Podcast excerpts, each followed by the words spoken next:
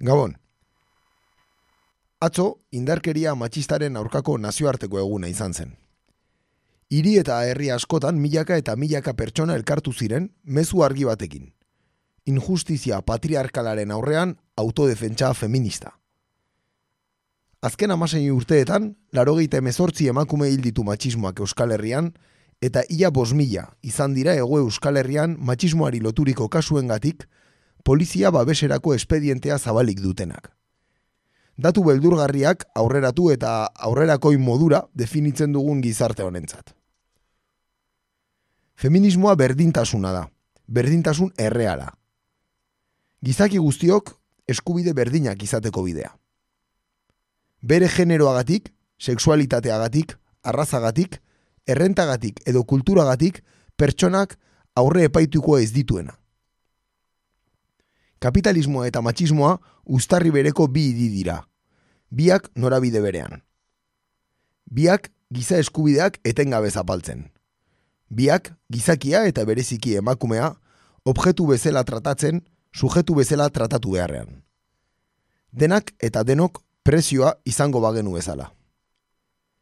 Zorionez, munduan eta Euskal Herrian, geroz eta gehiago dira jabetuta dauden pertsonak. Emakumearen alduntzean eta protagonismoa hartzean sinisten dutenak. Mugimendu feministaren olatua haunditzen ari da etengabe. Hartu dezagun olatu hori eta egin dezagun arraun denok batera. Denok norabide berean. Hemen hasten da gaur egur. Guten Tag, meine Damen und Herren.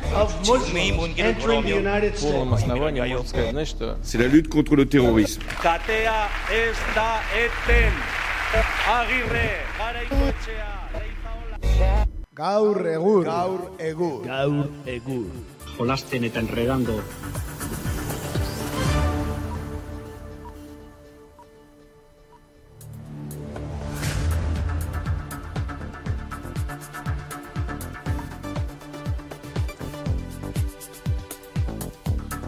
Beno, beno, ba, beste astelen batez hemen gaude, jolasten eta enredando, eta gainoiz baino enredandoago, zeren zuzenean inor ez daigu entzuten ari, zeren ez gara emititzen ari zuzenean, ba, arazo teknikoak aspaldi, arazo teknikoak izan gabe gaur egurren, ba, gaurkoan arazo tekniko larriak, baina beno, pentsatzen dugu, ba, podcast bidez eta beste lako arrosasareko irratietan, ba, entzungo gaituztela, hasi que ongi etorri entzule, e, ba, diferidoko entzule maite hori, ongi etorri. Hoxe, esan dakoa ez gu pepekoak bezala egiten dugu eta gaurko saioa ba diferidon egingo dugu. Hori da, diferidon, eta B, B kontabilitatetik ateratako diruarekin afalduko dugu gero. E, besterik ez, ongi etorri, Kaixo, Gabon. eta ba, gaurkoan, ba, horixe, bertan gaurreko gaia feminismoa izango dugu, feminismoa edo indarkeri matxistaren aurkako eguna atzo izan genuena, lehenik eta behin ala ere, gogoratu Twitterren e, ba, oso presente gaudela eta inkesta bat jartzen dugu astero. Lehengo asteko hau zen, zein uste dezue dela Euskaraz ondoen mintzatzen den Euskal politikaria, izan ere Euskaraldiari buruz eta hitz egin genuen, eta hizkuntza minorizatu buruz aurreko astean. Eta ba, irabazlea onintzain beita izan da, ez? E, ba, azken aldian nahiko polemika izaten ari den onintzain beita, bere berriako zutabeekin batez ere. Eta, bueno, ba, berak irabazi du. Eta ondoren, Andoni Hortuzar, e, onintzain beita barkatu duneko berrogeita bostak bozkatu du. Andoni Hortuzar euneko hogeta maseiak, eta Lander Martinez euneko emezortziak. Gusue Barkos ez du inorra bozkatu dute ikusten Euskal iztun honen bezala politikoen artean usue barko sala dirudi. Eta ba gaurkoan matxismoaz hitz egingo dugunez, ba honako galdera uzabalduko dugu. Ea zuen ustez zein den munduko agintarietan matxistena, denetan matxistena. Guk lau aukera jarri ditugu, baina beti bezala ba, erantzunetan jarri dezakezue zuei matxistena iruditzen zaizuena, zeren berez ba, kandidato asko daude munduan zehar guk lau aukera dut ditugu, baino gehiago egon zitezken. Lehenengoa Donald Trump, nola ez? E, matxista sutxua, hau ere, e, ba, bezala. Gero Hillary Clinton, e, emakumeak ere matxista izan daitezke lako, eta Hillary Clinton izan daiteke kasuetako bat. E, Jair Bolsonaro, orain ezaguna egintzaigun Brasileko presidente berria, eta, bueno, machista porrokatu hau ere, eta azkenik, ba, Katalunian, e, agian e, Kataluniako lehenengo presidente emakumea izango dena, baina horregatik e, machista izateari utziko ez diona agian, Ines Arrimadas. Ea zer iruditzen zaizuen, hauek izango dira bozkatzeko aukerak, baina e, esan bezala edozein beste edozein ere jarri dezakezue e, momentu honetan. Aportazioak beti ongi etorriak dira. Hori da, bitartean, ba, horixe, bozkatu, eta orain, ba, bertan gaurrera salto egingo dugu, ba, feminismoaz eta machismoaz eta hitz egiteko. Guazen ba.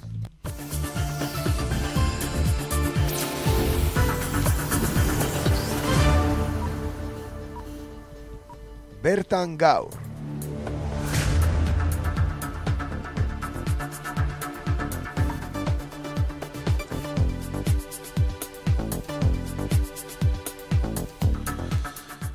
Beno, ba, esan bezala, milaka lagun irten ziren kalera atzo indarkeria matxistaren aurka protesta egiteko, mugimendu feministak hiriburuetan deitutako protestez gain, ba, herri desberdinetan eta instituzioetan ere alkarteratzeak egin zituen atzo eguerdian, emakumeen aurkako indarkeria zagaltzeko.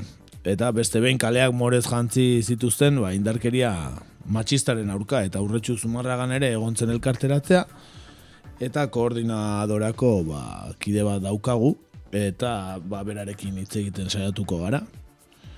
Kaixo, hor aldago koordinadorako kidea telefonoaren bestaldean? Bai, kaixo, arratzen Kaixo, e, bueno, esan bezala, ba, atzo elkarteratzeak eta protestak egon ziren Euskal Herri osoan, eta ba, urretxu zumarragan ere, bai.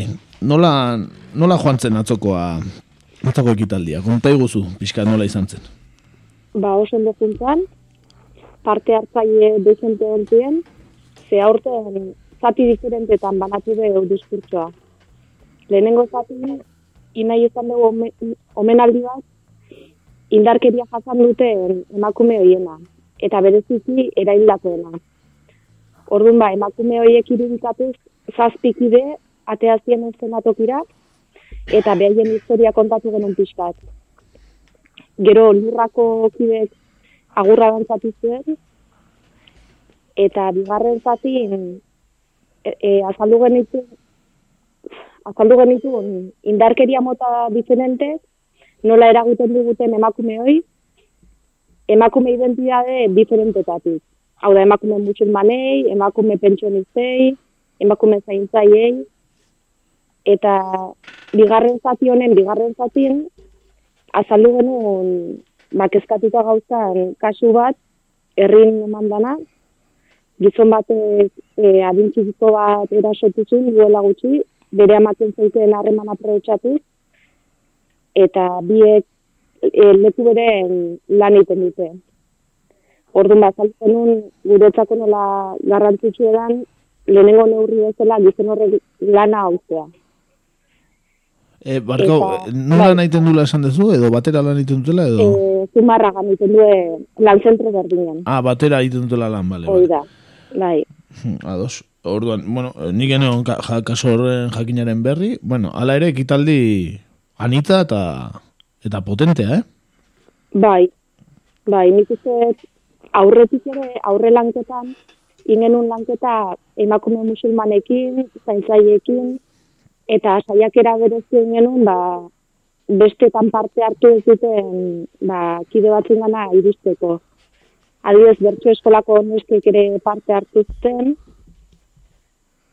eta bai emantzula anistasun irudioi. Ados, eta... Eta, bueno, ze, ze helburu dauka eh, emakumeen aurkako indarkeriaren egun honek edo? Ba, helburua da, datorren urten ez ospatu behar izatea. Bukatzea indarkeria, non- e, indarkeria matxistan lakra honekin. Mhm.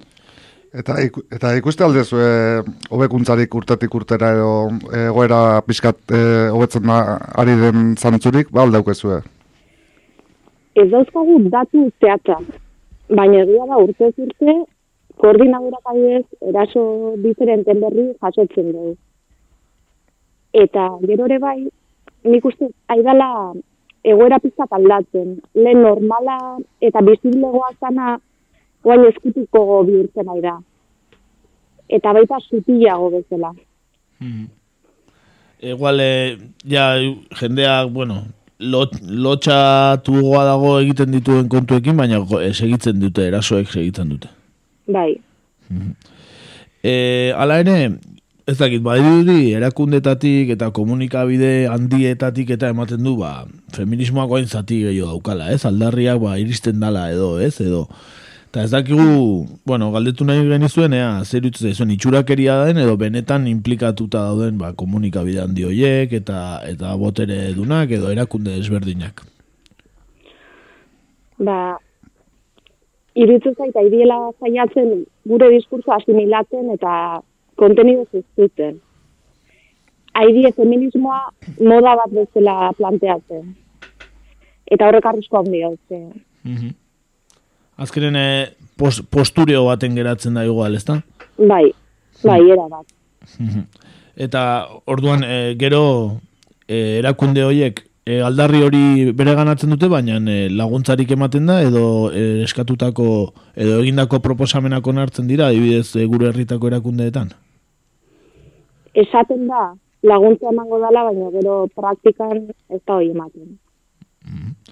E, iez egon, egon zinaten hemen gure estudioetan e, koordinadorako kide batzuk eta hitz egin genuen e, ba, bueno, urteari buruz eta bar eta egon ziren gai batzuk. E, urte hontan aurrera pausorik egin da, zeren e, prentxan eta gertu da emakumearen etxe iriki dela eta bar, eta ez dakit zuek ze balorazio egiten duzuen e, ba, urte honi buruz. Urtea pasa zaigu eta, bueno, iez egon ginenetik eta ea aldatu diren gauzak herri hauetan. Ba, bai aldatu dira gauza batzuk, adibidez emakumeen etxeana, lehen baizan aldarrikapen bat gukiten genuna, eta oain edifizio bat egokitzen nahi dira, oain ez dago egokituta, emakumeen etxea izateko. Proiektua da, e, eskualdeko emakume diferenten burrukaz lortu dana, baina bai aprobetsatu dutela argazkia teatzeko. Eta jarri duten martxan egokitu aurretik. Basieran egunen kalefatu gabe eta no, egoera nahiko xelebre. Hala ere, argazkirako egin dute, baina hala ere zuek e, erabiltzeko gogoz eta erabiltzen hasi zeate, ezta? Bai, bai, formakuntza tailer diferente kantolatzen nahi dien, eta egia esan, ba, etortzen tailer oso nahi dien. Eta nik uste merezi dula, eta azkenen etxe hori erabiltzaileok sortuko dugu. Eta, Argazki huts bat atea zuten eta gu izango gea beteko dugunak. bai, eta seguru aski gero e, zeu zer potente antolatutakoan argazkiaren bila joango dira berriz ere. Hoi da, bai. Baina, bueno, bentsat be, ari zerate, eta e, nahi badezu agian e, entzuleren batek edo jakin nahi badu, ba, zein ekimen dauden, edo zertan parte hartu dezaken, agian oraindik gerturatu ez denen batek. Bai, ba, bueno, urtarrietik aurrean, tailer diferente kantolatuko dien. Eta, hola, azpimarratzeko ibiltze zaiten bat, da umore tailerra. Uste tortatikan behar handia daukeula, eta egon zan tailer horren aurkezten moduko bat, etorri zan Virginia Imaz, dinam, dinamizatzailea, eta oso itxura ona daute. Bai, Hori urtarrietik aurrera hasiko dira orduan.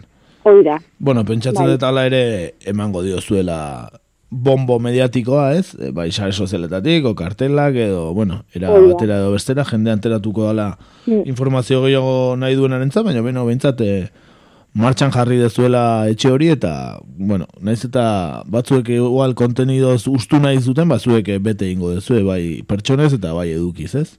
Hori da. Oso ondo. Zeo zer gehiago, koordinauratik? Ba, igual bai ezatea, aurten hondan beste aldaketa badala, ba, koordinadoradea irikitze prozesu bat eman dela, eta iazko martxoak zortzitik kide berri gehitu zaizkigula, eta ilusio handia zaudela gauzekiteko. Oso pozgarria orduan, orduan, e, bueno, e, ba, irudi feminismoaren olatu hori handitzen nahi dala, ez? Eta eta herri hontan ere han- handitze bidean dagola, hori ematen du, ezta? Hori da, ber, bai. Gaur ez da naparretan geratzen eta segitzen duen, ezta? Hori da, hori da. Vale, ba, ez dakit, e, mila esker, e, Zuei. deia hartzagatik, eta ba, bakizuen nun gauden, edo zer gauzatarako, e, bakizuen nun gauden. Hori da, izango dugu elkarren berri. Hori da, seguru baiet, mila esker eta urren arte. Eskerrik asko zuei. Eskerrik asko nahi ez zuten arte agur.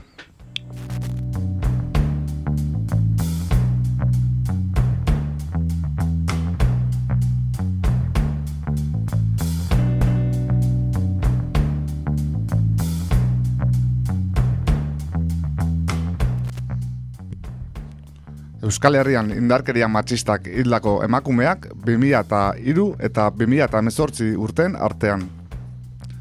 Indarkeria matxistaren ondorioz, larogeita mezortzi Andre eta amaika ume hil dituzte 2003-tik 2018ra. Berriak webgune berezi batean aurkeztu ditu datu guzti hauek. Ego Euskal Herrian, lau mila zortzireun deiruro geita bederatzi emakumek dute irekia genero indarkeriaren edo etxeko indarkeriaren ondoriozko polizia babeserako espedientea. Eusko jaurlaritzako segurtasun saiak aste honetan eman ditu datu hauek. Bizkaiakoak e, dira kasu gehienak, 2000 irureun dalau, Gipuzkoan berriz, mila lareun da iruro dira, Araban zazpireun da laro geita beratzi eta irureun dalau Nafarroan. Joan den astean eman zituen datuak adibidez Nafarroan foru zeingoak.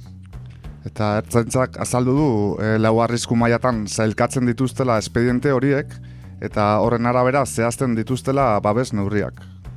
Hilketa matxisten datu base honetan, emakumeen eta umeen datuak aparte bildu ditu berriak, eta emakumeen hilketak soilik landu ditu estadistikoki. Arazo gero eta nabarmenagoa da emakumeei kalte egiteko gizonek umei min egitea edo hiltzea. 2002tik 2010 arte, behin bakarrik gertatu zen horrelago kasu bat Euskal Herrian. 2000ko 2004ko otsailean endaian. Eta ordutik eh, handitu eginda ume hilketen frekuentzia. E, 2010an urrian, 2011ko abenduan, 2013ko urrian, 2016ko urtarrian eta 2016ko ekainean gertatu dira umen hilketan matxistak. Azkeneko bi kasuak atzerrian gertatu dira. 2017ko maiatzean Madrilen eta 2018ko iraian Castellonen. Ez dago hildako emakume gabeko urterik. Euskal Herriak behin izan du berreunda larogeita bost eguneko epe bat feminizidiorik gabe, baina ez da oikoena. Amasei urteotako larogeita mezortzi hilketa horietan, bostetik behin soilik gertatu da eun egun baino gehiagoko tarteak igarotzea. Gainerako hilketak eun egun pasatu aurretik gertatu izan dira.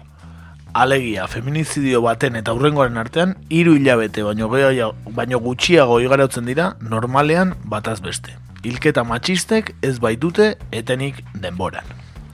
Eta urteko datu bildumek ere hori erakusten dute.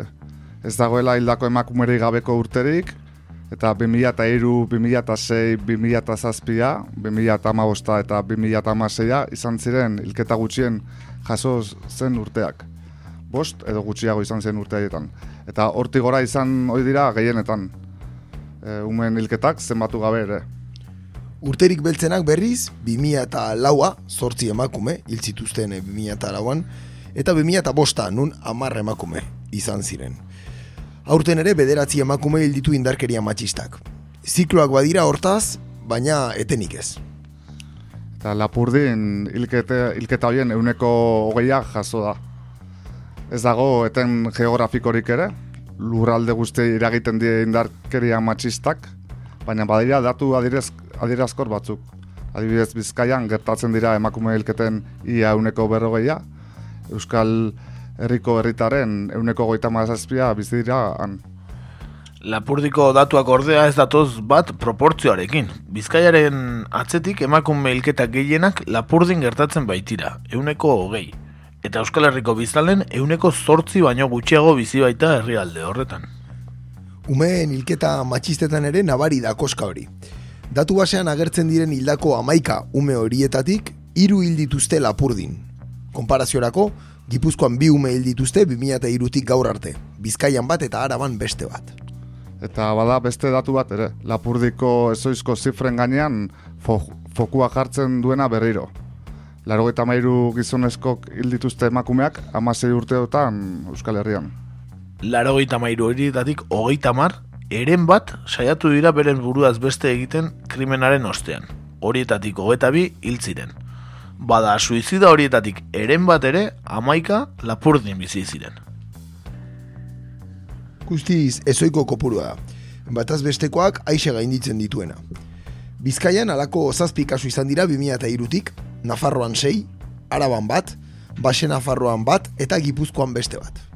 Eta Bizkaiaren eta Lapurdiren atzetik, Nafarroan ia euneko emezortzia eta Araban ia euneko amabosta gertatuta, gertatu da emakumeen hilketa matxista gehien. Gipuzkoako datuak dira kontrako puntua. Hamasei urteotan, zazpi emakume, hildako guztien euneko zazpi, eta bi ume hil dituzte.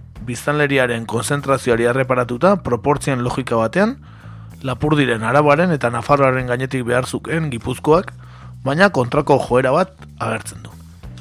Beste herrialdeetan baino hilketa matxista gutxiago gertatu dira herrialde honetan, zuberoan berriz ez dute hilez emakumerik ezumerik urte guzti hauetan. Esan donostian ez dela feminizi, feminizi horik egon, eta non nahi, eta noiz nahi gertaliteke hilketa matxist, matxista bat ez. Baina aldi berean, hiri eta herri jakinetan oso kontre, kontzentratuta daude urteotan gertatu diren kasuak. Begira, adibidez guztira, berrogeita bederatzi herritan gertatu dira feminizidioak Euskal Herrian azken amasi urteetan, eta guztira hil dituzten larogeita emezortzi emakume horietetik ia erdia, berrogeita zortzi, bederatzi herritan bakarrik hil dituzte. Ia erdia, bederatzi herritan, berrogeita zortzi. Bai, bederatzi herri hauek hauek dira, bai, e, Bizkaian, Bilbo, Barakaldo, Durango eta Santurtzi. Araban, Gasteiz. Lapurdin, Baiona, Angelu eta Endaian, eta Nafarroan, Iruñan. Eta hori ez gain, zortzi herritan bina emakume hil dituzte.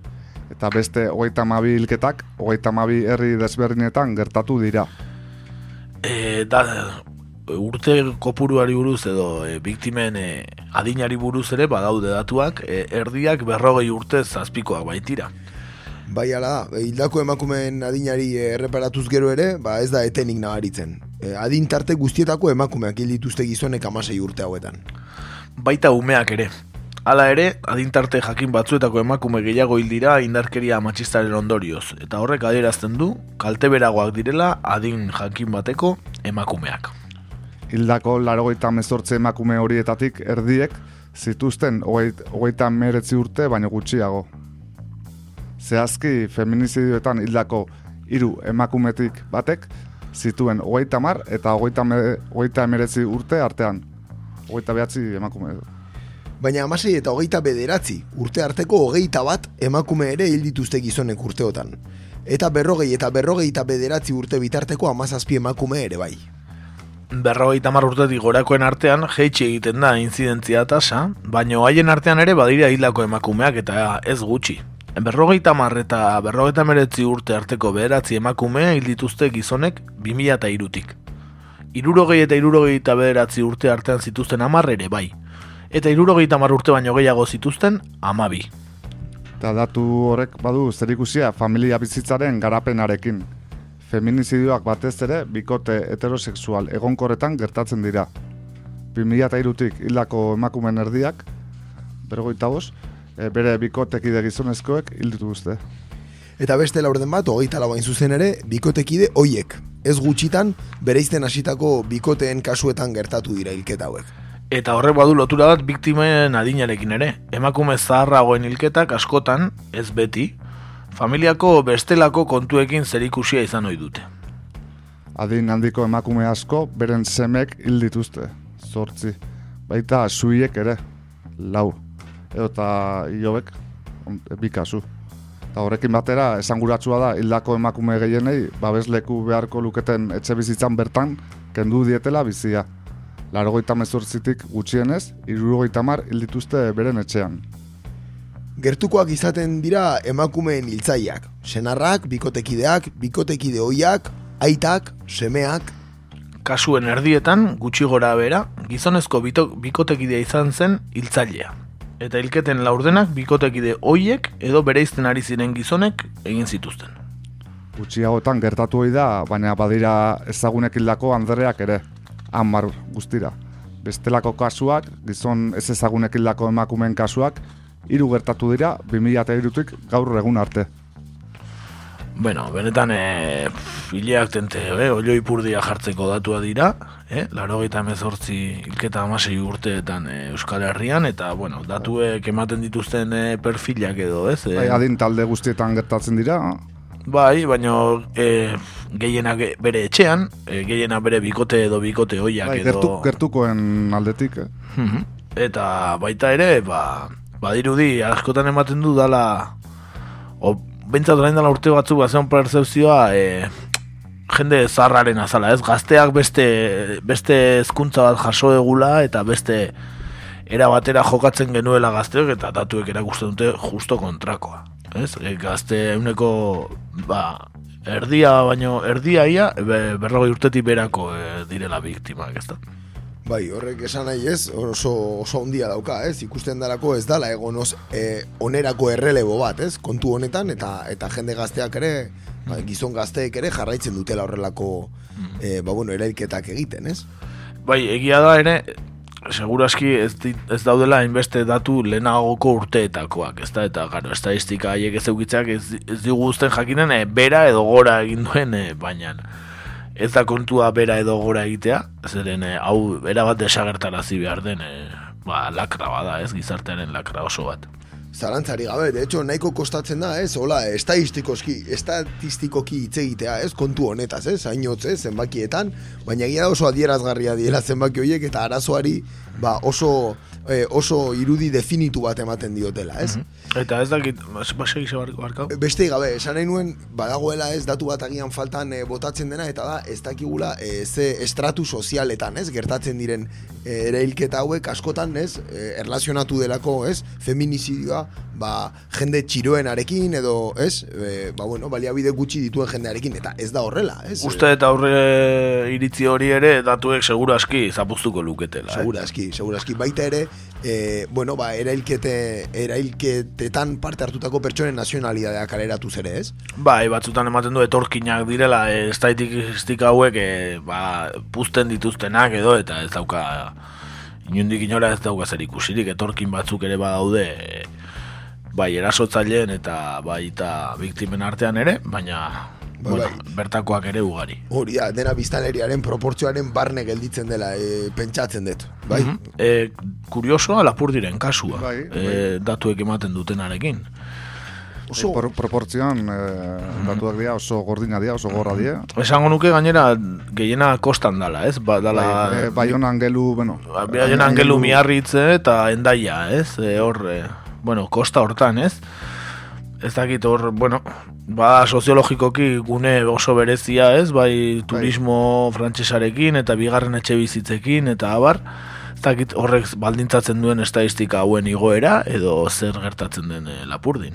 bai, egia esan, ez dakit soziologikokin nola interpretatu daiteken, ez? Fenomeno hori lapurdin, bestalde ere, e, komplikatua da interpretatzea zuberoko datua, ez? Egia da, biztanleri kopurua kontutan hartuta oso jende gutxi bizi dela bertan, baina, egia da ere, azken amasei urte hauetan, ez dala ere hilketarik egon zuberoan.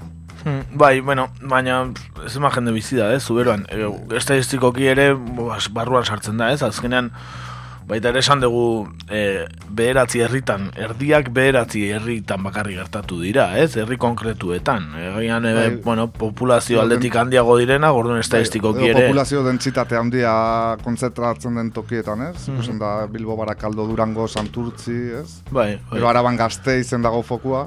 Bai. Lapurdin esan dezuen bezala Baionan gelu, endaia, eh, eta bat Nafarroan batez ere iruñan. Bai, azkenen asko kontzentratzen den tokietan, ez? Agian, agian herri txikietan eta ere zailagoa da ezkutatzea erasotzailea, ez? E, ez dakit. Bai, ano- anonimotasuna ez da existitzen, esate bateako, ez? Ba, zailagoa da agian, ez da? Eta orduan ez dakit, ezkutuagoan geratzen da kasua, edo ez da kasurik egoten, edo ez dakigu. Azkenean, eh, bueno, ezkuntza kontua da, eta ez dut uste herri handietan, edo hirietan, edo herri txikietan ezkuntza desberdina egia daukagunikan Euskal Herrian, ez da? Orduan, ba, bueno, ba, benetan e, lotxagarria eta lehen eh, elkarrizketa tuak esan digun bezala, ba, ba, bueno, ea, urren urtean ez daukagun eh, atzoko eguna e, ba, protesta modura erabili beharrikan, baina ez dakit ba. Ez dirudi oso argi, ez, kontua, baina bueno. Ikusiko dugu 2000 eta emeretzia, ote den, e, lehenengo, amasei urte hauetan lehenengo aldiz, e, feminiziorik ez dagoen urtea Euskal Herrian. Hala izan dadila, bai. Aia ba, ala ere ba dauzkagu kasu pare bat e, nahiko esanguratsuak eta nahiko hitz egiteko eman dutenak e, honi buruz ba, feministen aldetik eta bueno, erasotzaileak eta bueno, la manada eta guztia orantxe hitz egingo dugu horretaz.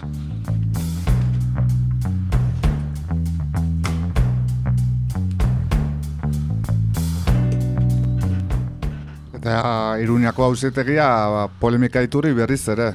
Eh? Esan barra daukagu San Ferminetako eraso sexista epaitu zuen epaimaiak, hamar hilabeteko kartzela zigorra jarri dio, emazte hoia hiltzen saiatu zen gizon bati. Hilketa delitu saioa egotzi beharrean, ezoizko tratu txarra egotzi diote.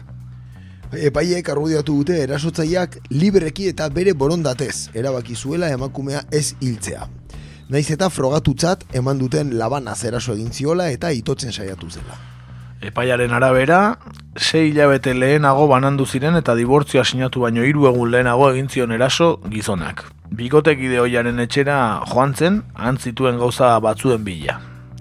Zukaldean aizto bat hartu eta horrekin mehatxatu ondoren ezkerreko eskuarekin gogor hartu zuen lepotik. Haren bizia arriskuan jartzen ari zela jakitun eta semealabak aurrean zituela, Dena den, epaiek azpimarratu dute, emakumea itolarrean zegoela konturatu zenean, estutzeari utzi egin ziola gizonak. Akusatuaren defentsak bi urteko espetxealdia eskatu zuen ordezko zigor gisa. Fiskaltzak zortzi urte eta erdikoa galdegin zuen. Akusazio partikularrak amar urtekoa.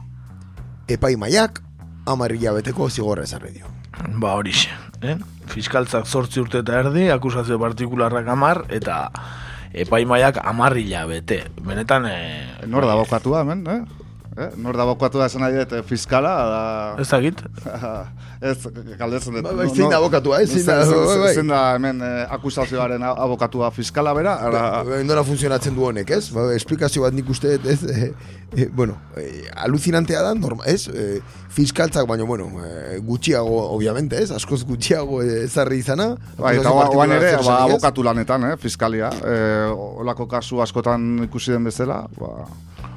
Nik ezakit iruñako hauzitegian ze kristo egiten duten, baino... Sikira, akusatuaren defentsak eskatu dakoaren erdia baino gutxiago, ezarri diote. Hau, Hombre, bai. eh, nahiko ineditoa da, eh, mundu judizialean. eta kontua izatea, ez zuela katu nahi izan bere borondatez, eh? Lepo estutzen ez zitzaionean, eh? de repente, bueno, ba, esantzun, bueno, ba, utzi ingoet, eta, claro, ja, orduan, ja, nahikoa da, ez da? Ez dakite, kurioso, eh? Beste dozein kasutan aplikatu baldin baiteke horrelako logika, ez dakit, zenbat, Ba, bai, desde luego. kartzela urte aurreztuko lirateken, urtean zehar. Ba, bai, desde luego, eh, eh, ez dakit, sententzia honek esaten duena, eh, basicamente da, oixe, eh, bizitza barkatu egin ziola. Claro, eta orduan ja, bueno, ba, marrila bete etxo, eta etzea sartu beharrik ere izango kartzelara, ezta? Benetan eh, kuriosoa, benetan kurioso, ez? Nik, orduan, eh, adibidez, eh, jotzen bat zaitu eta begi bat atera, Bai, eh, den- ba- denbora- baino- denbora baino- uzten badezu, ez? ak- akatu baino lehen usten bat zaitut, bueno, logika hornara, bueno, ez, ez zaitut akatu nahi izan, nire borondatez. Hori, salbatu Naiz eta boste zur puskatu, eta ez ez dakit. Benetan, harri-garria. Ez ga hasiko gauzak nazten, baina, bueno, denok ezagutzen ditugu eh, kasu ugari, asko eta asko, ez? Nun, eh, bueno, ekstremo honetara iritsi ez dien eh, erasoak, eh, bueno, oso konsiderazio larrian egon diren, ez? Baitu txorkatil bat austea, kaltsasun zen, urte, kartzela de urte da, dauzkan, ez da. Eta hor, behin baina gehiagotan komentatu dugun moduan, e, ba, bueno, kode penalaren eta eta interpretazio judizialen arazoa dago. Hau da, ez dago borondade bat, e, terrorismo matxistaren inguruko salbuespeneko legedi bat martxan jartzeko. Hori argi dago e, ez dagoela borondate hori. Beste gauza batzuetarako erabiltzen da. Eta ez nago bakarrik ari beraiek terrorismoa konsideratzen duten gai hoietaz. Bai, Ez, noski, Eta zer. narkotrafiko kontutan, ebasio fiskalerako kontutan, Bai. e, eta, eta abar luze bat. Edo zenbat igo, zenbat igo da adibidez e, trafikoa o, isunetan eta e, delitu bat egitearen ez? Hor, hor bastante zigorra asko handitu da edo ez Bai, kode dakit. penala bai, handitu egiten dute edo bai, ez? Bai, gauza batzuetan ez, ba, esate dute hau ja gehiegi gertatu da, bueno, ba, ez dakit zergatik eh, hontan ez, ezta? azkenean feminizio bat egiten duena, ba, E, gaina bitxia da, e, hauzet, e, iruñako hauzete, hauzitegi hau ez, e, nola gaina hauen foku guztiak bertan jarrita dauden eta manadakoa kasua izan eta gero gaina hain deskaro gutxirekin e, olako ez, sententzia hau. e. bai, ezakit, epaitegi hau ezakit nola begira dagoen. Imaginatu ezagun azken amasei urtetan egondako laro gaita emezortzi hilketa horiek, bai, e, polizi hilketak izango balira. Imaginatu ezagun momentu batez, azkenen hilketa bat hilketa bada, ez? Eta hor, e, da, atzean dagoen motiboa kasu honetan oso motibo ideologikoa da, ez? Demagun hori gertatuko litzakela. E, norbaitek da zalantzarik dauka, ez? Salbuespeneko legedi bat eta reforma bat berehala egingo litzakela, e, bueno, ekintza horiek kondenatzeko, Bai, edo politikoak Adibidez, edo berdin dit, edo haziendako inspektoreak, osea, esan bai. nahi dut, edo zein beste kolektibo bati zuzendutako erasok izan balira, ez, beste jarrera juridiko bat egongo litzake, ez? Bai, bai, eta, bueno, gero ez dugu hemen egingo kartzelaren aldarria, ez uste dugu ez duela bez- gizarteratzeko gehiagi balio gaur egungo kartzela ereduak, baina, bueno, eh, bueno, konparazioan jarrita, eh, delitu batzuek eh, daukaten eh, karga penala eta beste batzu daukatena, ba, bueno, irutze zaite gizarteak ja eskatzen duela, batzuk gehiago eh, esan dugu bezala argazkirako edo diskurtsoa edo ez e, edukitzeko edo bueno aparentatzeko horretan baina bueno beste askok benetan exigitzen ba honekin zeo zer egin beharra dagoela baita hort, alde hortatikan ere Duari gabe, eta hor, agrabante bat dago, ez, guzti hau analizatzean, eta duari gabe, esan dakoa, eh? hemen kartzel eredua gutxitan entzungo zigutela defendatzen programa honetan, ez? Baina argi dago, hemen dagoen eskandalua da, estatuaren botereetako batek, ez? Etengabe horrelako epaiak ematen dituela, ez? Hor dago, eh, benetazko eskandaloa hori da, estatuak hau anparatzen duela azkenean, ez? Botere judizialak hau anparatzen duela, eta, bueno, ba, hau, hau egiten uzten duela, eta daramala, bueno, ba, bizitza oso, hau, hau permititzen. Bai, bueno, ba, eta ba, talde feministetatik eta esaten denean gizarte eta sistema matxista baten bizi gerala, ba, argi eta garbi geratzen da. Horrelako kasuekin. Horrelakoa eta manadakoarekin adibidez, e, dana gogoratuko dugu, Iruñako San Ferminetan 2006an, ez, e, gertatu zena, e, la manadako hoiekin. Ba, esan dezakegun azkenetako berriak dira, adibidez, e, Alfonso Jesus Cabezuelo, e, ba, 2008ko San Premietan neska bat taldean bortxatzea eta gusetako bat, e, Espainiako armadan zegoena, ba, Espainiako armatik kanporatu dutela. Eta esan egun legeak alaginduta lanposturik gabeko zerbitzu aktiboan zegoen eta indar armatuek administrazio espedientearen bidez militarrezei izaera kentzea erabaki dutela, ez? Bost kondenatuak benbeinan aske daude, azaroaren zazpian aldek ezarritako elegiten inguruko ebazpena ezagutzeko zain. E, Angel Boza, Sevillan e, betaurreko batzuk, lapurtu eta autoarekin segurtasun agente bat harrapatzeagatik. Harrapatzeagatik zegoena, Bai. e, hori ere askatu dute. E, epaiketa aurreko astelenean izan zen, bertan lau urteko espetxaldia eskatu zuen fiskaltzak, hor ere bai, fiskalak gehiago eskatu, e, bozarentzat, indarkeria egindako lapurketa horregatik, eta nola nahi ere epaileak absolbitzeko erabakia hartu zuen. Nik ezakiz egin duten gazte hauek, e, ezakit zer, zer daukaten epaitegiekin, baina danetaz libratzen dira, hemen atzetikan ez dakit bago eskubeltzen bat edo nik ez dakit zer. Baina ez da normala egin dituztenak eginda eta absolbitu egiten dituzte, orain eukizuten sententzia ere lotxagarria izan zen, orain errekurrituta dago eta ea zer erabakitzen duten, baina ez dakit, ez dakit zer diren, eh, ez, ez dira boteretsuen semeak, ez dakit Ez daniz. du ematen, ez du ematen, e, Sevillako ez, auzo hortako ez, semeak omendia, orduan, Baina, bueno, bai, harritzekoa, be- beste behin ere ez, lehen gora bueltatzen gea, ez? Permisibidadea, ez, noren iristen da. Benetan lotxagarria. Beno. Ba, benetan e, urten zehar ere kaso ingo diegun kontua da, e, beti egoten gara, osaiatzen gara diegoten, e, ba, talde feministetatik iristen egun informazioaz, eta abar, oraingoan, e, ba, egun seinalatu bat baliatu dugu eta hitz egiteko, baina edo zein, astetan hitz egin dezakegu berriz ere, ba, matxismoaz eta feminismoaz eta ar, heteropatriarkatuaz eta abar, ezta? e, abestitxo bat ekarri dugu, e, bertan gaur atalarekin amaitzeko. E, uste, dut, e, orantxe berri, atera berri duten abesti dela tongo taldea, baina la furiarekin eta beste askorekin, eta deitzen da matxirulo eskondete. Beraz, bueno, abesti berria eta dantzagarria eta mezuarekin tongo taldearena, beraz entzun dezagun Machirulo, eskondete.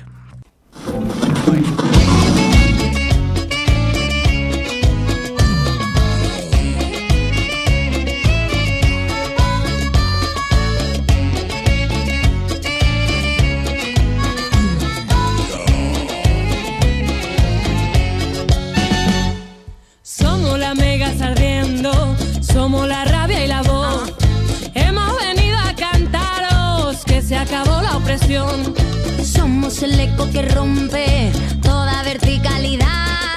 Siguen soplando los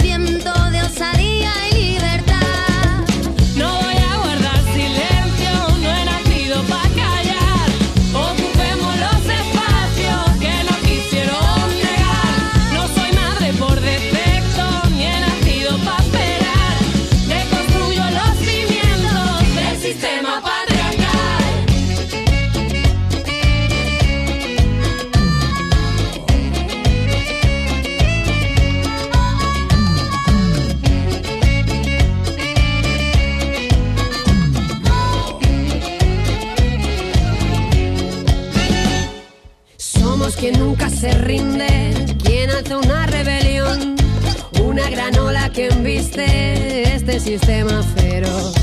Desaprendiendo el camino, construyendo al caminar. La libertad se conquista con las ganas de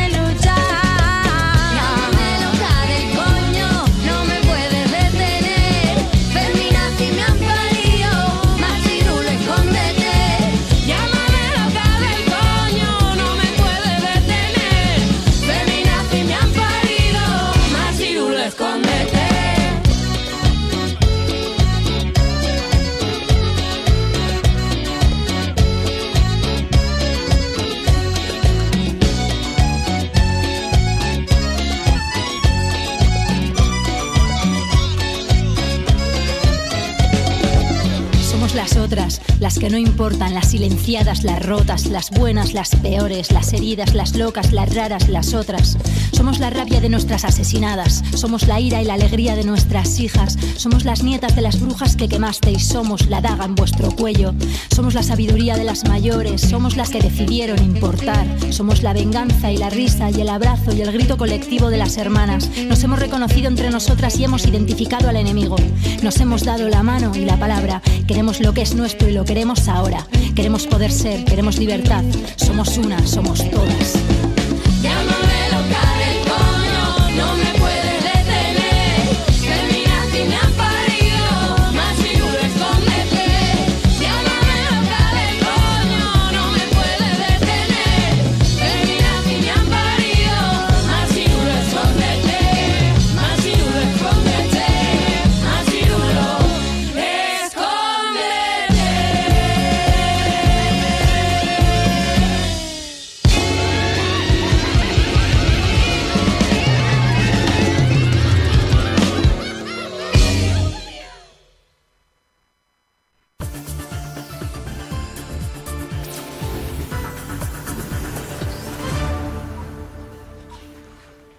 Nazioartean gaur.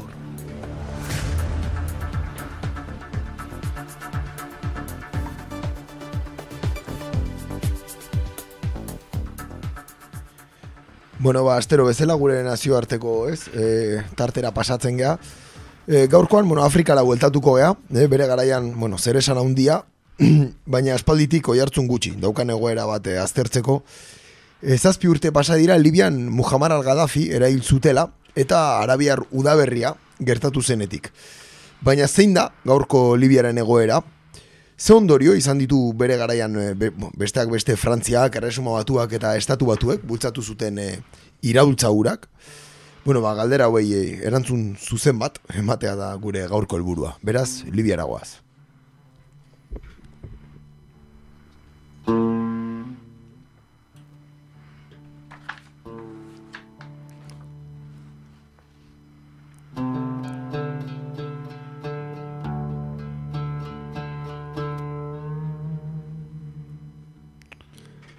Nazio batuek Libia berriro ere herrialde bakar baten gisa batzeko duten esperantza, urte bukaeran bertan izango diren hauteskunde parlamentarioekin zer ikusia zuzena dauka. Kontuan izan dezagun 2008ko gerra hasi zenetik, Libiar estatuaren batasuna igatzen joan dela. Eta gaur egun, hamarkadatan estatu bakarra izan zena, lau zati nagusitan banatuta dagoela. Tripolin, Bengazin, Fezanen eta Tobruken daude botere eremu nagusiak 2018ko Libian. Zati hauetako bakoitzean, gobernu bat aurkitzen dugu, bere botere propioarekin. Gainera, eta espero genezaken moduan, gobernu hauetako bakoitzak ez ditu besteak zilegitzat hartzen. Guztia biltzeko, eundaka libiar lurralde osoan aurkitzen dira fakzio armatuak eta haien arteko liskarrak etengabekoak dira. Nazioarteko aktore nagusiak ere bata edo bestearen alde lerrokatzen joan dira. Libian ere Siriar modeloari jarraituz. 2008an, herritarren euneko emezortziaren parte hartzea izandako hauteskunde saiakeraren ondoren, Libiako bi gobernu indartsuenei, haien sostengua eman zieten nazioartetik. Tripoliko gobernuaren kasuan Turkia eta Katarren babesa jaso zuen. Tobrukeko gobernuak ordea, Arabiar Emirrerri batuak, Egipto, Frantzia eta Saudi Arabiaren oniritzia jaso zuen. Gaddafiren jarraitzaile hoien sostenguarekin batera.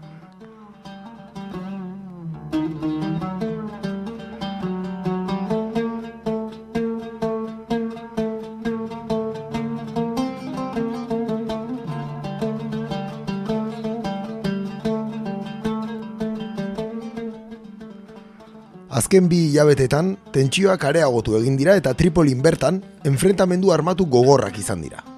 Biztanleri handia duen Tripoli hegoaldeko kanpokaldean, gertatzen ari- diren liskar hauetan, orain gutxi arte bertako akordio nazionaleko gobernua sustengatzen zuten hainbat erakunde armatu daude.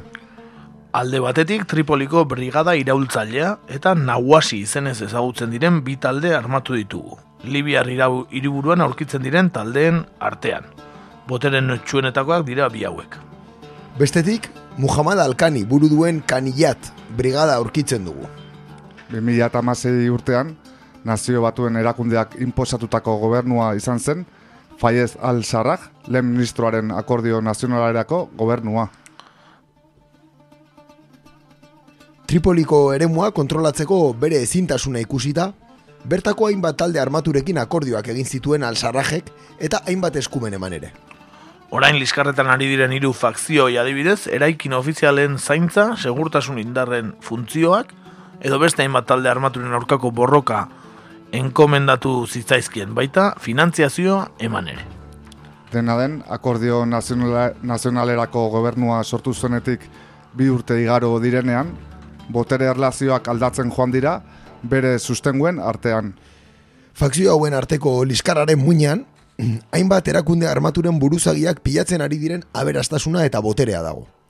Haiei proportzioan iritsi etzaiena antza denez. Eskenatoki honen aurrean, Al-Sarraj lehen ministroak bere agindupean dauden beste hirietako brigada armatuei, dei egin die bere gobernuaren defentsan borroka egin dezaten. Hala eta guztiz ere, gerra iru- irudiak izan dira Tripolin, beste behin ere. Mortero jaurtiketek Tripoliko aireportu nagusia itxi arazi zuten. Beste koete batek Italiako enbasadatik eun metrora dagoen aluadan hotelaren laugarren pisua zuntxitu zuen. Eta azken batek, lehen ministroaren bulegotik berreun metrora egin zuen estanda.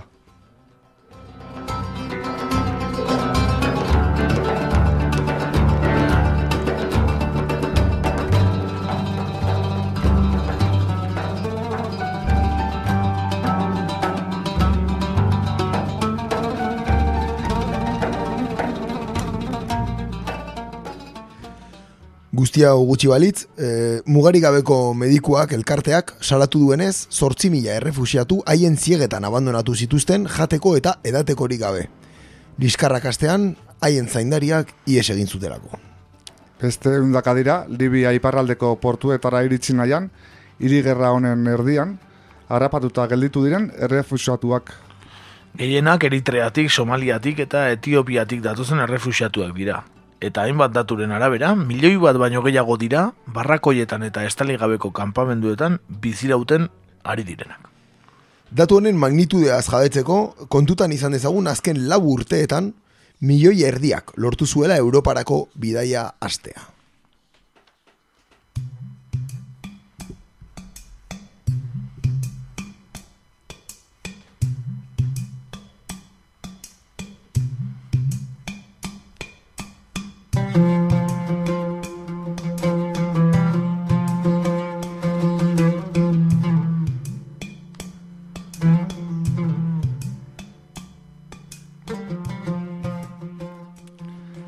2008an estatu batuek, NATOk, Israelek eta hainbat herrialde arabiarrek Gaddafiren erorketa planifikatu zutenetik, utz egin duen estatua da Libia. Bere lurralde zatiketaz gain, milaka dira talde errebeldeen eskueltan gelditu diren armak.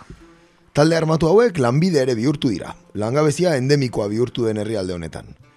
Asko eta asko dira talde hauetan diru sarrerak izateko aukera bakarra ikusten dutenak. Funtzionamenduan jarraitzen duten sektore bakarrak petroloarena eta oinarrizko biziraupenerako produktuak saltzen dituzten komertzioena da. 2008tik oinarrizkoa bihurtu den kontrabandoaren alora ere ahaztu gabe. Giza eskubideen urraketak etengabekoak dira eta justizia eremu bakoitza kontrolatzen duen talde armatuaren esku gelditu dira gainera. Talde armatuen soberakina eta indar politiko falta duen herrialde zatitua, da Libia 2000 eta emezortzi garen urtean. Eta esan barago, etorkizuna beltza baino beltzagoa dirudiela.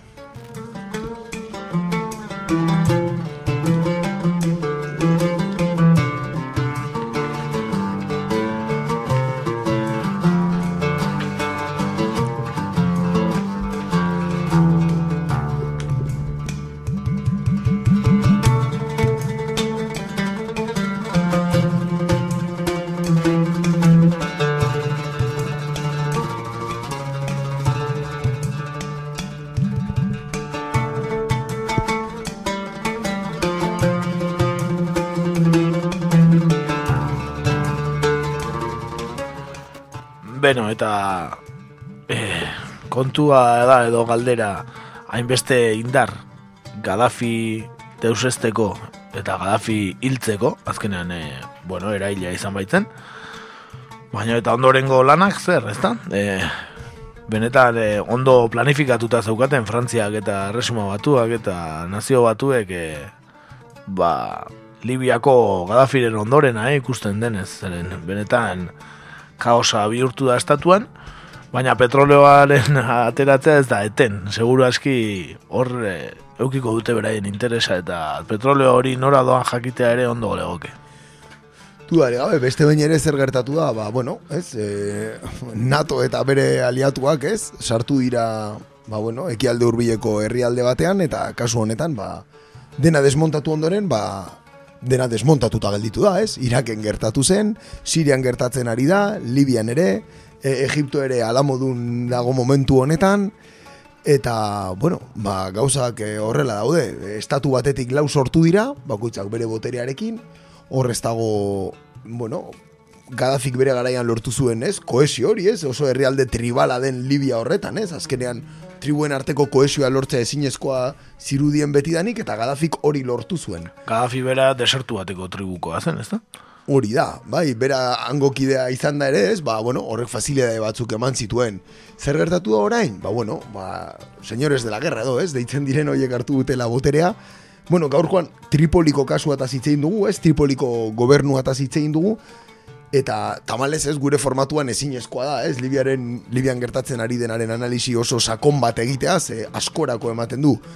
Baina beste adibide bat hartuta, beste gobernu indartsua, Tobrukeko gobernua deitzen dana, bai, e, Jalifa Haftar, bai, dauka buru, eta Jalifa Haftar hau, e, ba bueno, estatu batuetan Virginian bizi izan zen hogei urteetan, eta, bueno, nahiko edatuta dago, ba bueno, ziak erreklutatu, erreklutatu egin zuela, bai, e, el, Libiako ejertzitoko, ez, armadako, ba, bueno, nahiko kargu importantea lortu zuen, eta momentu honetan bera da hango presidentea. Baina Gaddafiren e, jarraitzaileak bere ekin daude, ez? Hori da kontua, zer gertatzen da, Gaddafiren jarraitzaileak ere koalizio hori apoiatzen dutela, eta barnean lehen esan dugun bezala, Frantzia dago, ez? Zeinen Gaddafi erailtzea ere agindu zuen, ez? Sarkoziren kasua eta zari naiz, bai? Bai, e, Sarkoziren hauteskundetako, ez? E, finanziazioa Libiatik etorri zela, edo finantziazio ilegala, edo, ez da?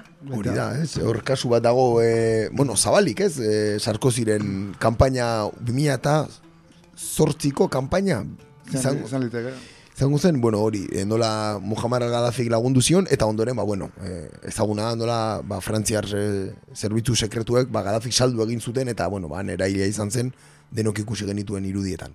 Orduan hor, nahiko, ba bueno, egoera bitxi ematen da, ez? Ze frantsesen interesak eta Muammar al-Gaddafiren jarraitzaile hoien interesak e, gobernu berdinaren, ez? Ba, gobernu berdinean konzentratzen dira, baita ere Saudi Arabiarenak, imaginatu hemen ze, ze pototxo montatzen ari dan, ez? Eta horrela egoera, gero badaude beste bi gobernu, bueno, indar askoz gutxiago dutenak, bai? Baina hala ere, beraien botere partzela daukatena, eta bertan beraiek agintzen dute, beraz, bueno, ba, hoxe.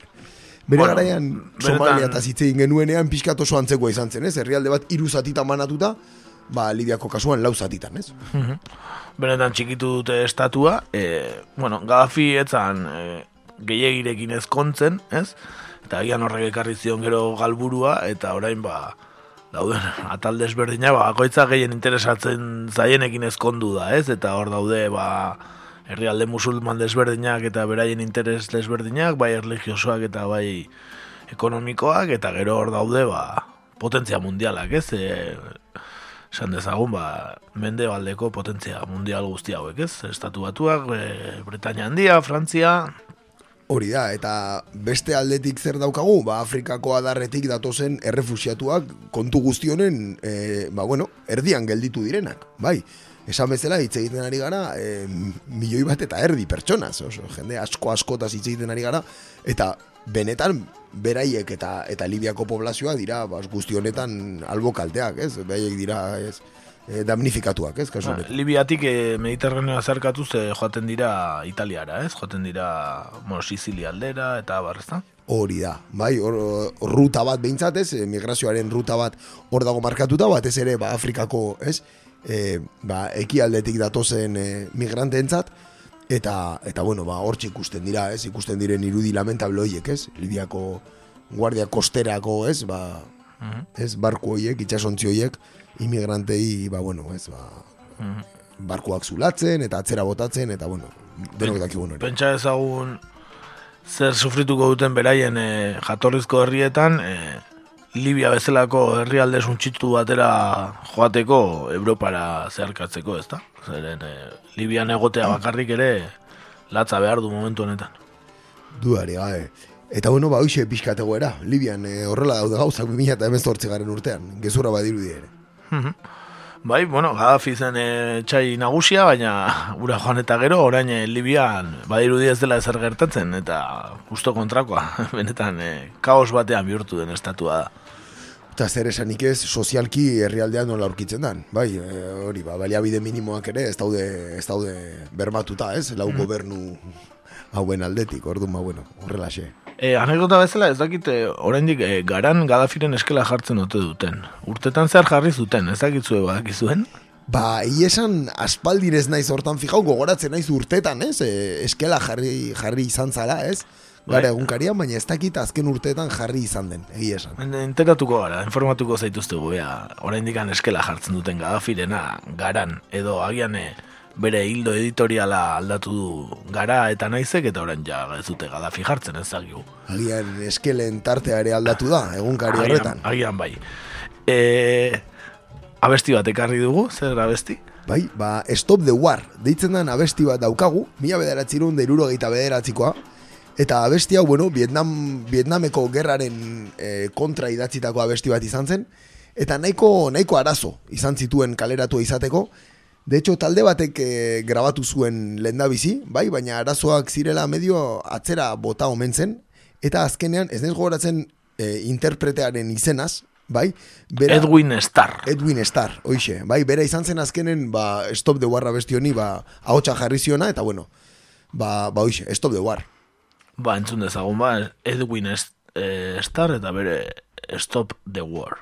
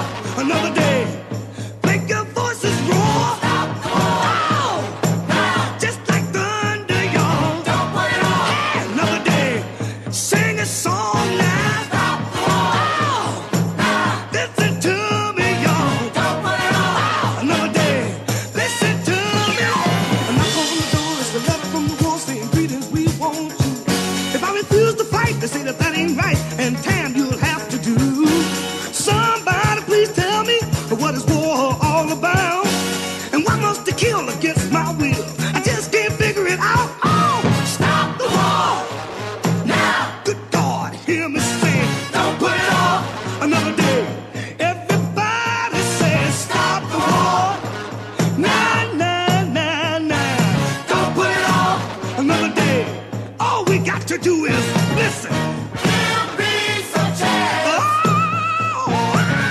don't throw another life away. Listen to me now. Think about all the soldiers that today. If you ask them to fight again, huh, what do you think they'd say? I'm not trying to be funny. I'm just trying to get my point across. War is world's enemy number one, and it's time.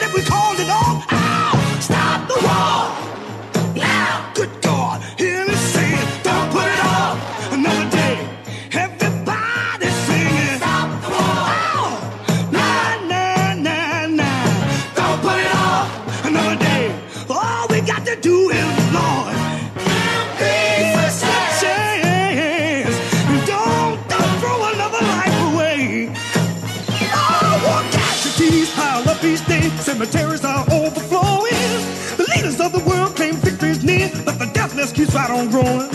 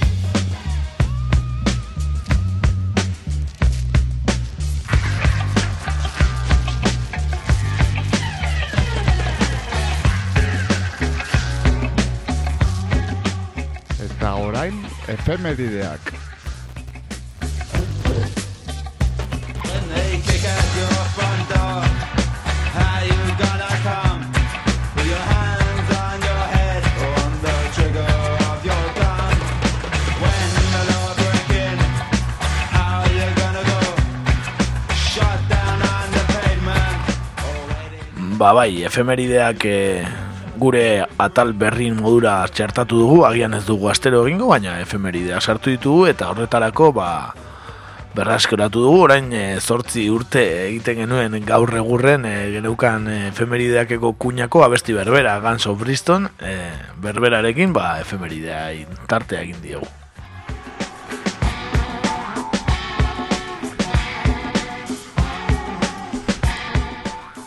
Eta esan bezala, ba, aste honetan gertatutako efemeride batzuek gogoratuko ditugu, eta asteko eta ben, e, mila zortziren eta bergoita emeretzian, Charles Darwinek espezien jatorria liburua idatzi zuen. Eta hori, ba, teoria ezagun hori, famatu egin zuen liburua kaleratu zuen. Aste honetan ere, mila bederatziruen da berrogeita lauan, e, SS-ak, Auschwitzeko gazkamarak, suntxitu zituzten, armada gorriari, ba bueno, bertan egindakoa izkutatzeko asmoarekin. Ez zuten lortu. SS-ak zer, sare sozialak? Oiek, oiek berak.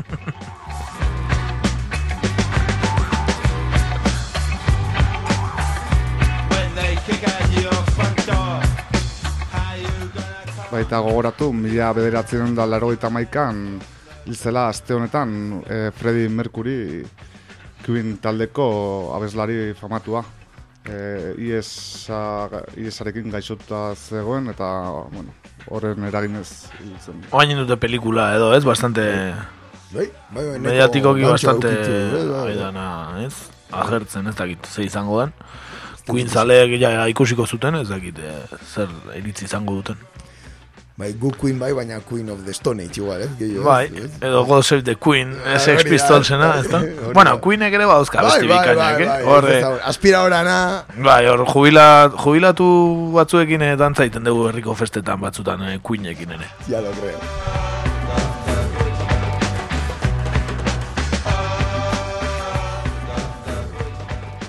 Eta aste honetan, baina mila lareun da laro gehieta maikagarren urtean, bai, e, ba bueno, Granadako tratatuaren sinadura, eh, gertatu zen, eta bertan, ba, errege katolikoek, bai, e, Kastiako Isabel lehenengoak eta Aragoiko Fernando Bigarrenak, e, Granadako Muhammad Amabigarrenaren sultanaren aurka, ez, eukizuten e, gerraren, ba, amaiera izan zen, eta berak, ba, bueno, bere subira notasunari, ba, e, uko egin zion.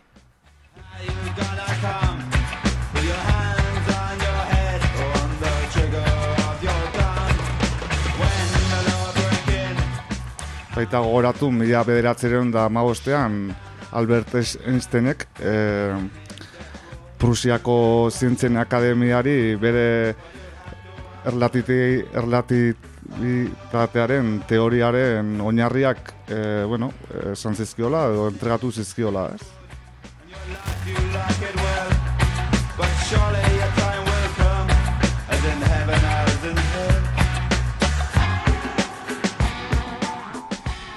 Eta mila bederatzireun da iruro gehian, aste honetan ere, ba, e, Dominikar Errepublikan e, Mirabal aizpak e, akatu zituzten, e, ezagunak ziren, ba, bueno, Trujilloren diktaduraren kontrako oposizioaren buru izateagatik.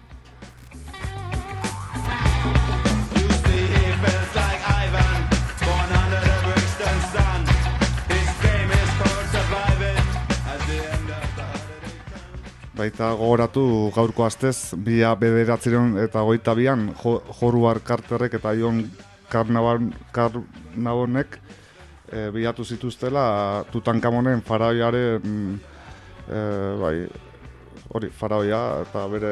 Hondakinak edo, ez? Hori da. Hilobia edo. Bere... Iru, iru mila urte baino gehiago zituzten onda, ondakin horiek, edo, bai. Bai, ondoen kontserbatua dagoena, ez? Momia, Bai, ez? hori da. Bai, baita maskara ere, ez? Maskara funerarioa eta... Erre, erregen aranean, edo, ez? Erregen, Garrantzi gutxiko faraoia izan omentzala, baina aurkitutakoaren balioa oso handia zen. Bai, bea baino garrantzitsua gutxi zuena, ez? Edo aurkitu zena gero.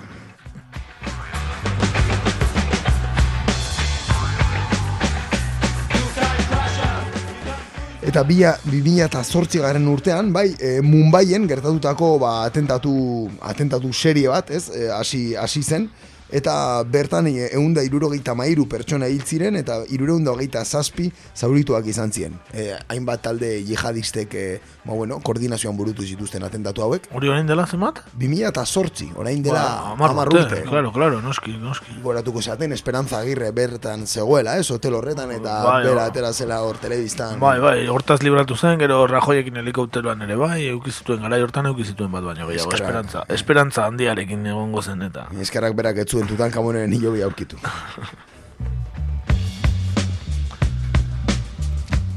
Orain efemeride potolo bat, biharko egunez mila bederatzen da irugaita mostan, eh, Juan Carlos lehena erregea izendatu zuten, errege bezala ez, eh, San de Real Madridgo Elizan. Fra Franco que oinordeko utzita gero, ezta? Demokrazia ekarri zuen. Bai, bai, demokrazia eta Arabia Saudirekin negozioak ere bai ekarri zituen.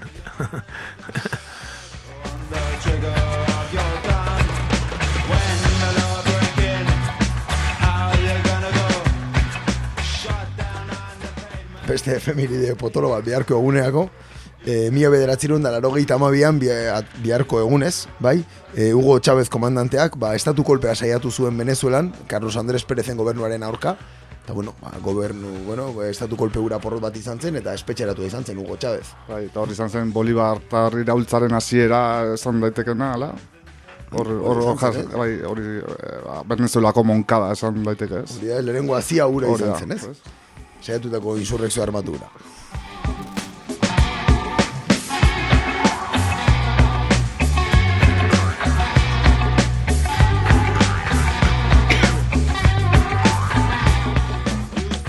Baita goratu, mila beratzen da berrogeita iruan, estatu batuetako presidente Franklin Roosevelt, Britania handiko Winston Churchill eta e, Sovietar batasuneko Joseph Stalinek terango konferentzia delakoan e, sinatu zituzten gerra ondorengo estrategien ba, oinarriak edo izango zirelakoak.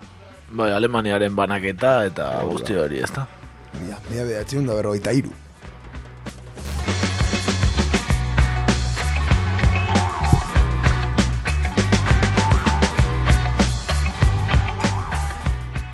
Eta asteontako azken efemeridea, mila bederatzerun da berrogeita zazpikoa, da, bai, data ospetsua, zergaitik, ba, nazio batuen e, asamblada orokorrak, e, ba, bueno, mandatu britanikopean zegoen palestinaren ba, partizio plana, onartu zuelako, eta bertan, ba, bueno, palestinaren zatiketa e, gertatu zelako, eta bertan, ba, bueno, hoxe, bi protektore datu sortu ziren, bat jugutarra, beste arabiarra, eta, bueno, ba, gaur egun arte ezagutzen dugun egoera lazgari hortaraino.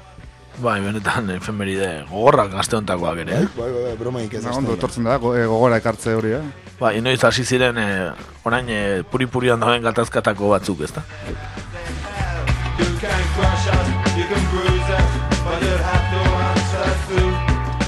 Beno, ba, orain, oraino efemerideak eta orain, ba, SSak edo sare sozialek utzi digutena di buruz hitz egingo dugu.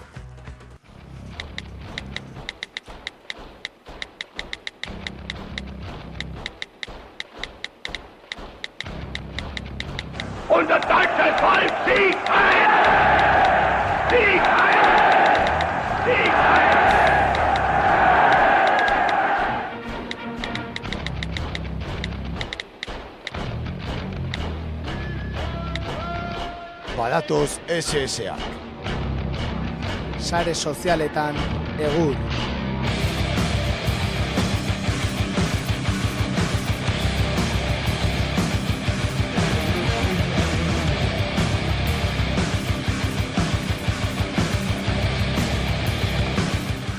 Beno, ba, sare sozialetan e, gaude, eta, bueno, gaurkan ez gara fastista batzuekin hasiko, eh? Izan da, ja, ongi etorria kontua. Zorionekoak, Bai, bai. zorionekoak. eh. Izan ere, bueno, ba, saiatu gea pixkate, ba, feminismoa inguruko kaunturen bat edo ekartzen, eta, bueno, igual ikusiko zenuten aste honetan e, Eusko ikaskuntzak egun urte bete ditula, eta oinatin igual ikusi ez duten hola plazan dantzan eta ibilizian agintariak, Bai, bai, eta bai, egontzean, egontzean gaina Euskal Herriko hiru agintari nagusia, Gusue Barkos, Rene Etxegarai, eta eta Inigo Urkullu, eta, bueno, jende bastante, bueno, ba, Eusko ikaskuntza ari da kongresu bat egiten e, bere un urteen eta eta kontratu sozial berriaz eta anistasun, anistasunaz aritu ziren e, eta kontua izan zen hogeita bost izlaritik lau bakarri zirela emakumezkoak eta ba, kontratu sozial berriaz eta anistasuna, anistasuna zen, ezta.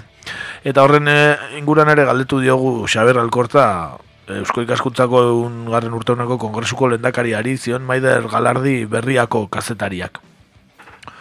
Eta Jule Goiko etxea, ba, badirudien ez hor ere sartuta dagoen aktivista, bai, feminista eta era guztietakoa, Jule Goiko etxea saltza askotan dagoen emakumea da, ba, ala esate zuen, hasieratik esan dugu ez zegoela emakume nahikorik. Ez zaigu kasu handirik egin. Azkenean publikoki esatea erabaki dut eta ez baita bidezkoa gertatu dena.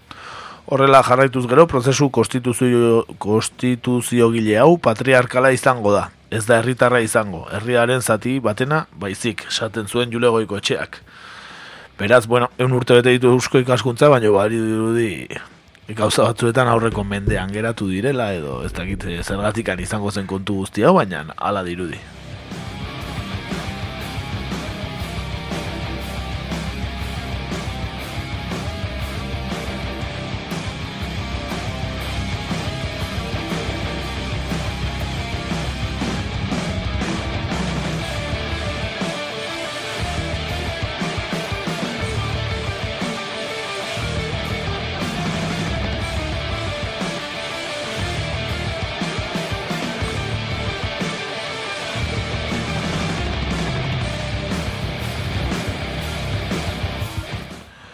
Goazen bigarrenarekin e, gaur bertakoa izan da kontua.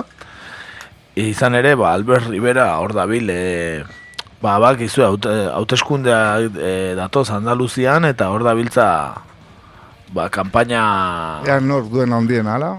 hori da, ean orduen handiena, hortan ari dira, egia esan, eta ba, gaurkoan e, zu kostienteak e, utxe egin diola dirudi, Albert Riberari, zeren ondorengo, ondorengo hau esan du, ea entzuteri daukagun. Porque la gente honrada, los hombres, tenemos que luchar juntos contra las mujeres. Bai, ondo entzun dezu, nahi dezu berriro entzun bazpare, a ver, a ver, a ver, nola, nola dijon, berriro jarriko dugu. A ver. Porque la gente honrada, los hombres, tenemos que luchar juntos contra las mujeres. horrela xe, zu konstientia. Uz larria egin dio horrela esaten zion Sanikmok. Brutal lapsus que deja muy claro cómo piensa su subconsciente. Benetan, eh, Albert Rivera, hortxe, Ez gaite izan gaiztuak izan, baina sub, eh? Sub horrek asko esaten du, eh? Bai, ez? Albert Riberaren kasuan. Bai, ez dakit, baina bai, eh, fallo larria izan da berea, ez da? E, izan ere, ba, bueno, contra, los hombres contra las mujeres, esan du, eh? Hola, hola, esan du, hola, esan du, bai, bai, bai, esan egin du, ez? Aipatu beharra daukat, gaur atxaldean eritsi zaitela beste bat ere, e, argazkia zen, eta Ciudadanosek eh, Andaluziago esaten zuen jenazo. Ikusi ez, bai, bai, bai. Bai, irakurri egingo dizuet. eh, Bai, merezi du, merezi du benetan, eh? Hor kriston arrakasta izan zuen ekitaldi bat izan zen Andaluzian. Kontua da, eh, honako hau. Jarri zutela llenazo en nuestro encuentro ciudadano en Dos Hermanas. Seguimos nuestra ruta naranja a Sevilla, porque ahora sí es posible. Queda poco y lo vamos a conseguir. Eta dituzte argazkiak, ba, mitineko ba, mitina emate zuten estenatokia, eta lehenengo lau bostilarak eserita jendez, eta bar, baina, bueno, gero sare sozialetan agertu dena izan da, e, ba, urrutira gotik argazkia, eta, hola, eraikin, hola, plaza txikitxo bat da, eta, bueno, berrogei bat pertsona egongo dira danera, kamarak eta guzti, Beraz, bueno, nahiko, bueno, ikusgarria irudia. Beraien bideo jokoan bizi dira. bai, era bat, era bat.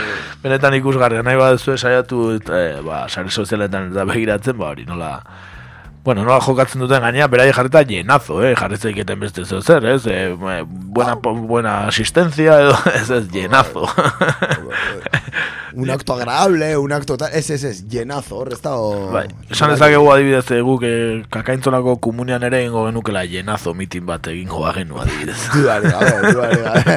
Komuna beteko genuke, horta zalatzarik ez izan. Eta eskobila eta guzti, eh? Hori da, hori da, hori da.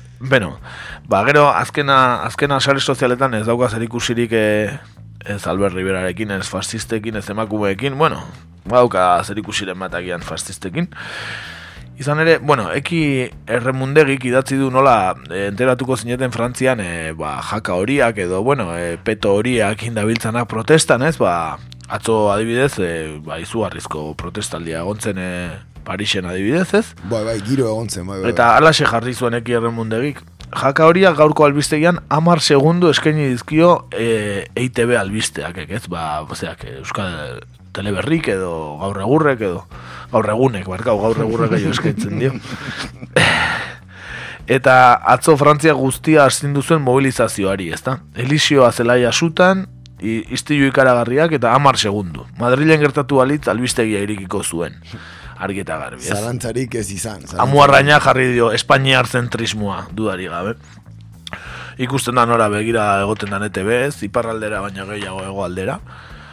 Eta, bueno, benetan, eh, agian eh, burrengo erratxai baten ekartzeko izango da, Frantzian gertatzen ari den guztia. Zeren gainera eh, oso mezu kontra esankorrak datoz, bai, esaten dute gune batzuetan agian eh, ultraeskuinak kontrolatzen duen mugimendu badala, beste gune batzuetan ezkerra mugimenduak eta mugimendu anarkistek eta abarde kontrolatzen dutela edo bueno, norbete kontrolatzen badu edo ezakit. E, badirudi, badirudi oso mugimendu desberdina dela e, zona aldeka eta baino, bueno, jendea asarre dagoela nabari da bintzat.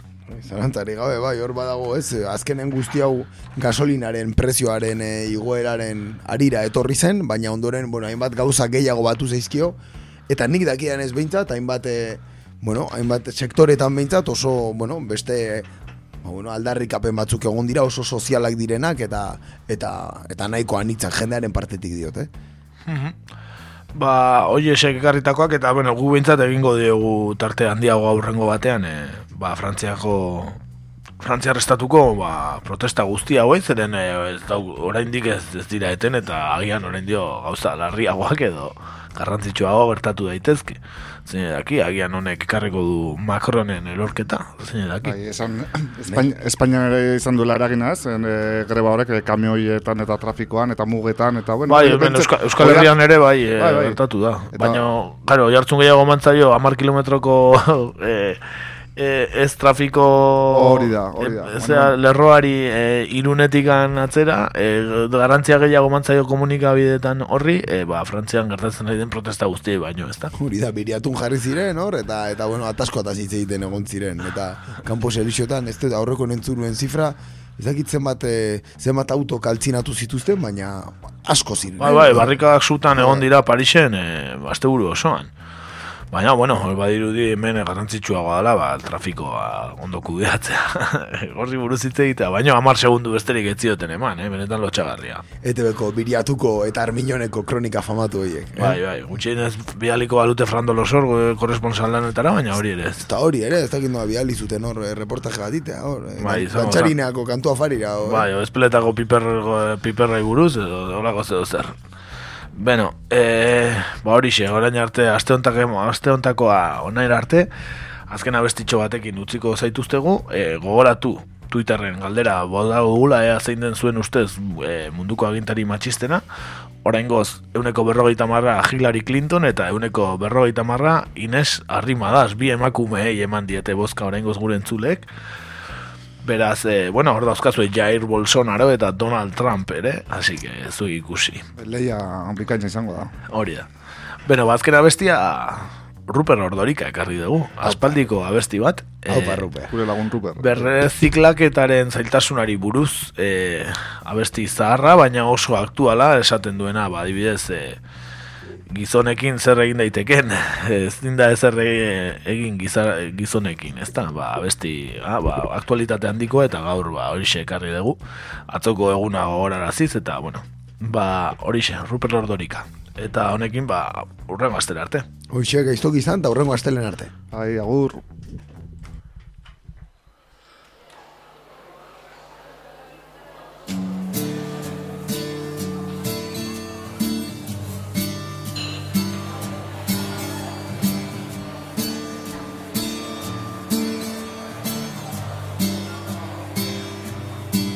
Munduaren salvazioa Ilala bizikoa Denia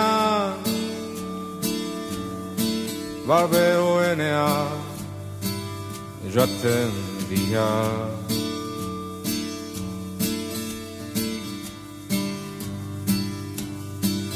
Abanguardiaren orpoti Xoratuik joan gabe ala diote. Ez zuak zerbeza bat gaizki etorriko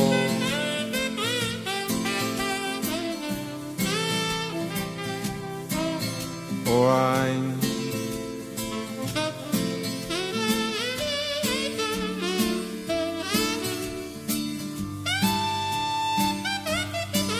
Gauza zuzenaren alde borrokatu. Beharria Biruela eta barizen kontra Ari dira.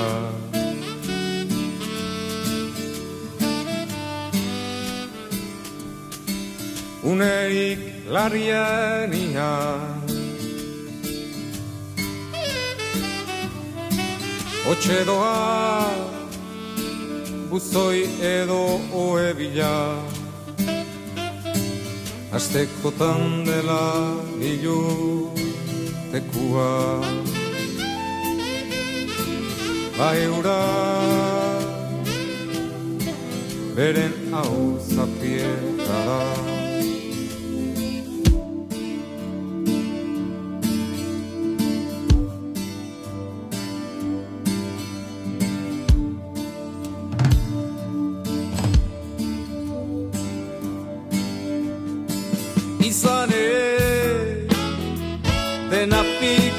pikutara joaten da gizonen gati Gizonekin.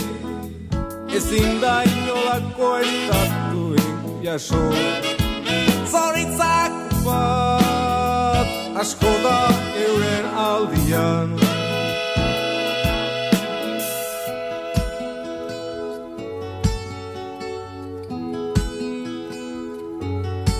Zalantza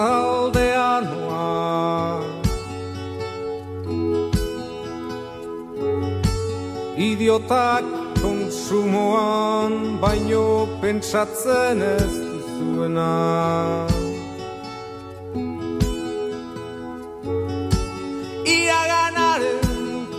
Beharra